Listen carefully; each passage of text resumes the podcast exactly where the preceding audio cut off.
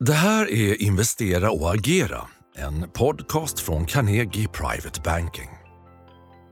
Torsdag 1 februari. Det är räntesänkningar i sikte när både amerikanska Federal Reserve och svenska Riksbanken håller räntan stadigt oförändrad. Marknaden sätter fokus på tajmingen och tillfället för när de stora centralbankerna gör den första räntesänkningen.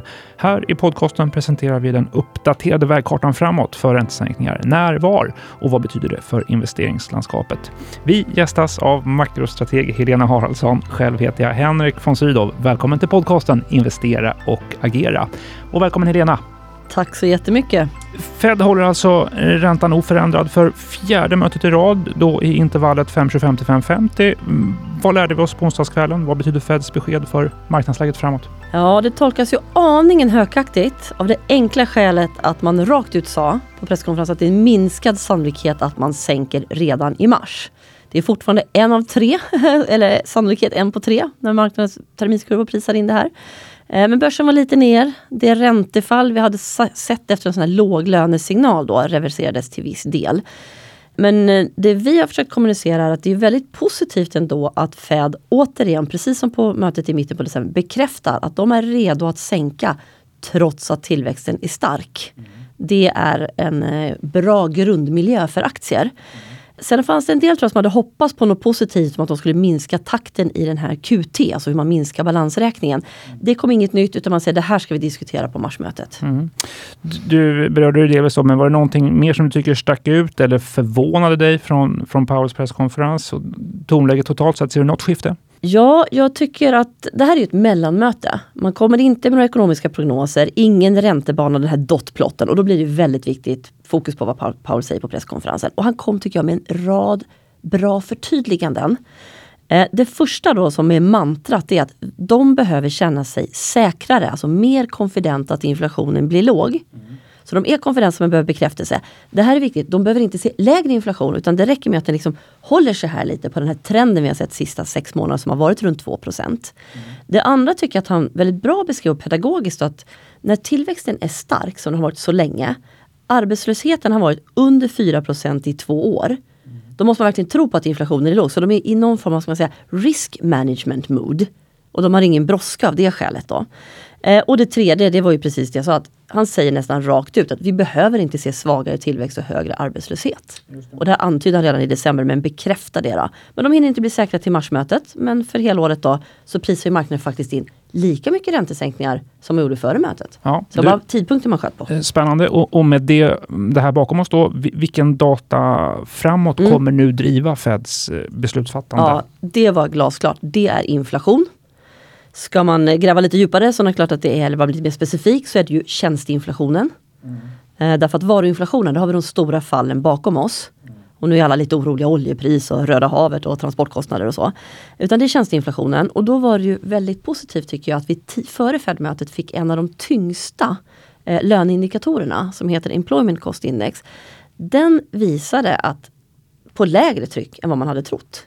Så det är bra. Det finns ljusa signaler här. Vi ser också att man inte så lätt lämnar sitt jobb för att söka nytt och sådär. Så det pekar åt rätt håll på de inflationssignalerna för tjänsteinflationen. Men det är fokus. Ja. Annat från den amerikanska ekonomin som du, som du håller ögonen på just nu, det var en viss bankturbulens eh, Ja, gårdagen. det stämmer. Om man bara tittar på hur börsen stängde och tror att det bara berodde på Fed, då ska man ändå veta att, och det tror jag är viktigt framåt, techbolag kommer bli jätteviktigt att följa. De har inte riktigt levt upp till förväntningarna. Det är en tung rapporträcka för de här Mag 7 den här veckan. Så att börsen föll ungefär en och en halv. Eh, tech var nere, Mag 7 var ner 3. Sen var det också lite begynnande banker då, om ni minns våren.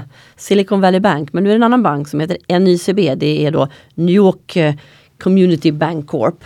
Eh, de tog en stor nedskrivning på kommersiella fastigheter. Och det här med banker och kommersiella fastigheter, det har man ju pratat om länge, men nu händer det en nyhet. Mm. Hur orolig över eh, just den eh, nyheten? Jag tycker att det här är ganska välbekant, men vi såg ja. också att det stökade till det på marknaden. Man tänker så här, hmm, behöver Fed stimulera igen? Och nu är det ju lättare när inflationen är låg än vad det var i mars. Just det. Vi håller ögonen på det också och tar oss över till Sverige. Vi fick ju på morgonkvisten ett besked från svenska Riksbanken. Vi har ännu inte haft eh, Thedéens presskonferens, men du har Nej. läst pressmeddelandet. Eh, ja. vad, vad säger konsekvenser för eh, svenska verksamheter som har hög skuldsättning av beslutet? men det är väl ändå positivt för bolag som har hög skuldsättning att Riksbanken väljer att fortsätta följa ECB.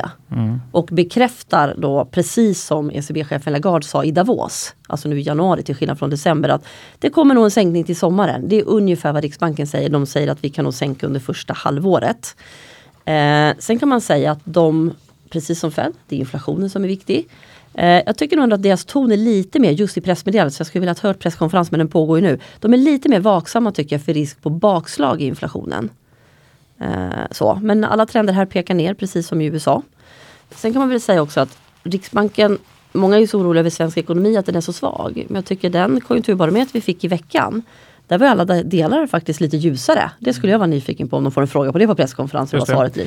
Du, de här beskeden tillsammans då med just annan makrodata som har mm. kommit in under, under januari. Vad vill du vilket konjunkturscenario bekräftar det mm. eller pekar det emot? Mm. Vad, vad, blir det för sorts landning då under det första halvåret? Ja, jag tycker återigen att det bekräftar att konjunkturoron kan minska och den gör det.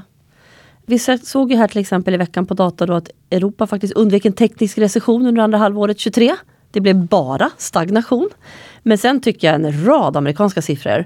BNP växte över trend återigen då i fjärde kvartalet och över trend för helåret. Det finns fler lediga jobb. I USA har man fortfarande 1,4 fler jobb än arbetslösa och till och med Consumer Confidence som kom i veckan var lite upp och vi har tidigare sett starkare detaljhandelssiffror. Och det här, Fed bekräftar det det här ser bra ut. Inflationen har kommit ner utan att ekonomin har försvagats. Mm, just det. Du, om vi då tar den informationen som du har redogjort för tillsammans. Eh, vi adderar till också då ECB som, ju, eh, som du nämnde är ledande för svenska Riksbanken. Eh, vid vilka tillfällen ser du då att den så att säga, liksom uppdaterade vägkartan för mm. när det är sannolikt att den första mm. räntesänkningen kommer? Hur ser det ut? Ja, jag tycker marknaden har sällat sig lite till det vi har sagt tidigare. Vi har sagt att mars är inte så troligt. Och nu bekräftades det av det här mötet. Då, så att, eh, men det kanske ändå inte blir Fed som går först ut. Därför att beroende på hur mötena ligger i kalendern så har ECB ett aprilmöte då marknaden ändå prisar in en sänkning. Mm. Det är väl ganska rimligt. Eh, sen har då, och det är 11 april med möte. Fed har precis första dagen i maj. Och då tror man att de sänker och det tror vi också. Och Riksbanken har då en vecka efter Fed, den åttonde. Just då ska de sänka första halvåret så är väl det ett bra tillfälle. Så 11 april ECB, 1 maj Fed och 8 maj Svenska Riksbanken. Mm. Det är roadmap det är väl ahead. Så är det. Än så länge. Du, och I och med att det är så mycket fokus på det här, hur, hur viktigt mm. är så att säga, den perfekta tajmingen för det första tillfället att sänka räntan? Vad, vad är riskerna med att agera för tidigt respektive mm. med om Riksbanken och centralbanken agerar för sent? Om vi börjar med om de agerar liksom för tidigt eller tar i för mycket. Då är ju den, den enklaste risken det är att inflationen tar fart igen. Att man får någon typ av överhettning. Och risken i det är ju att då behöver de höja igen och ta i ännu mer. Och det här har man ju pratat om sedan första början när de började höja. Ta i ordentligt till en början och det är det de har försökt göra. Sen tycker jag man ska säga att en överhettning historiskt har ju inte varit så negativt för aktier och vinster. Men den här gången så är det ju risk för att vi återigen får en stor uppgång i långa räntor likt förra förra hösten, tidig höst. Och det slog ju mot börsen. Det är fortfarande väldigt stort räntefokus om man inte liksom är säker på att inflationen kommer under kontroll. Mm. Eh, för sent och för lite var ju, är det andra myntet då. Ja, då får man ju för svag ekonomi. Fler arbetslösa. Bolag kan behöva varsla och dra i bromsen på investeringar. Och det skulle ju då i marknadsperspektiv kunna ge recessionsoro och det är ju inte bra för aktier. Du, det här det är ju en eh, superintensiv makrovecka. Vi har dessutom nytt rapportflöde. Eh, om vi, vi tar med oss den makroinformationen som vi har fått i veckan. V vad tycker du det ger för konsekvenser för agerande och strategi i portföljen med tillgångar för den privata investeraren? Ja, alltså jag tycker att det här ändå ger stöd till vår marknadssyn som ju då är en mjuk landning med räntesänkningar men inte redan i Q1 utan i Q2. Jag tror vi i tidigare poddar också har berättat att en räntepaus, det vill säga när man slutar sänka, det har historiskt varit kanske en ännu bättre period för börsen än man har börjat sänka. Men det har ju den förklaringen att när man väl har börjat sänka så har det ofta gått hand i hand med en ganska svag konjunktur, ofta recession och vinstfall. Nu ser det ut som att vi kan få lite det bästa av alla världar. Alltså en normalisering av penningpolitiken eh, med lite sänkningar men också ändå en vinsttillväxt. Så att eh, det är väl så vi, som vi ser det. Det här har ju lett oss då att vi faktiskt redan i höstas, i början på november, gick övervikt aktier. För att vara tydlig så var den jämnt fördelad mellan svenska och utländska. Eh, och nu då i början på januari när svenska aktier hade gått mycket starkare än utländska och framförallt om vi mätte båda de här i kronor. Då valde vi att ta hem lite vinst i svenska aktier och rebalansera det här till en jämn övervikt igen. Så säkrade hem lite vinst. Annars tycker jag också, man, man ser också tydligt på marknaden nu att om man ska prata hur man ska tänka att småbolag är det fortfarande stort intresse för. Det är ett tema investering som vi har pratat om här. Men också att det är ganska mycket fokus på eftersläntrar. och det ser vi också i rapportsäsongen. Vi fick höra från vårt mäkleri på morgonmötet att eh, även om rapporten inte rosar marknaden så pressas inte kurserna ner så mycket i de här bolagen som är nedpressade och har släpat efter. Och det här tycker vi att man kan se både på regioner, sektorer och bolag. Precis. Så det tror jag kanske lite fokusskifte där om, om den här riskaptiten ändå står sig. Det är spännande. Det ska vi prata om i nästa eh, podcast om en vecka. Eh, stort tack för det här. Summera då med, med stöd till mjuklandningsscenariot med den makrodata som har kommit och också räntesänkningar är i sikte. Eh, Q2 eh, tittar vi på då. I det här läget var fortsatt övervikt eh, på aktier. Stort tack Helena för att du gästade podcasten. Tack.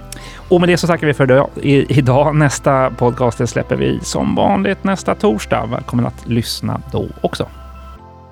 Är du intresserad av topprankad aktieanalys och unika investeringsmöjligheter? Gå då in på carnegie.se private banking och lär dig mer om vad du får som private banking-kund hos oss.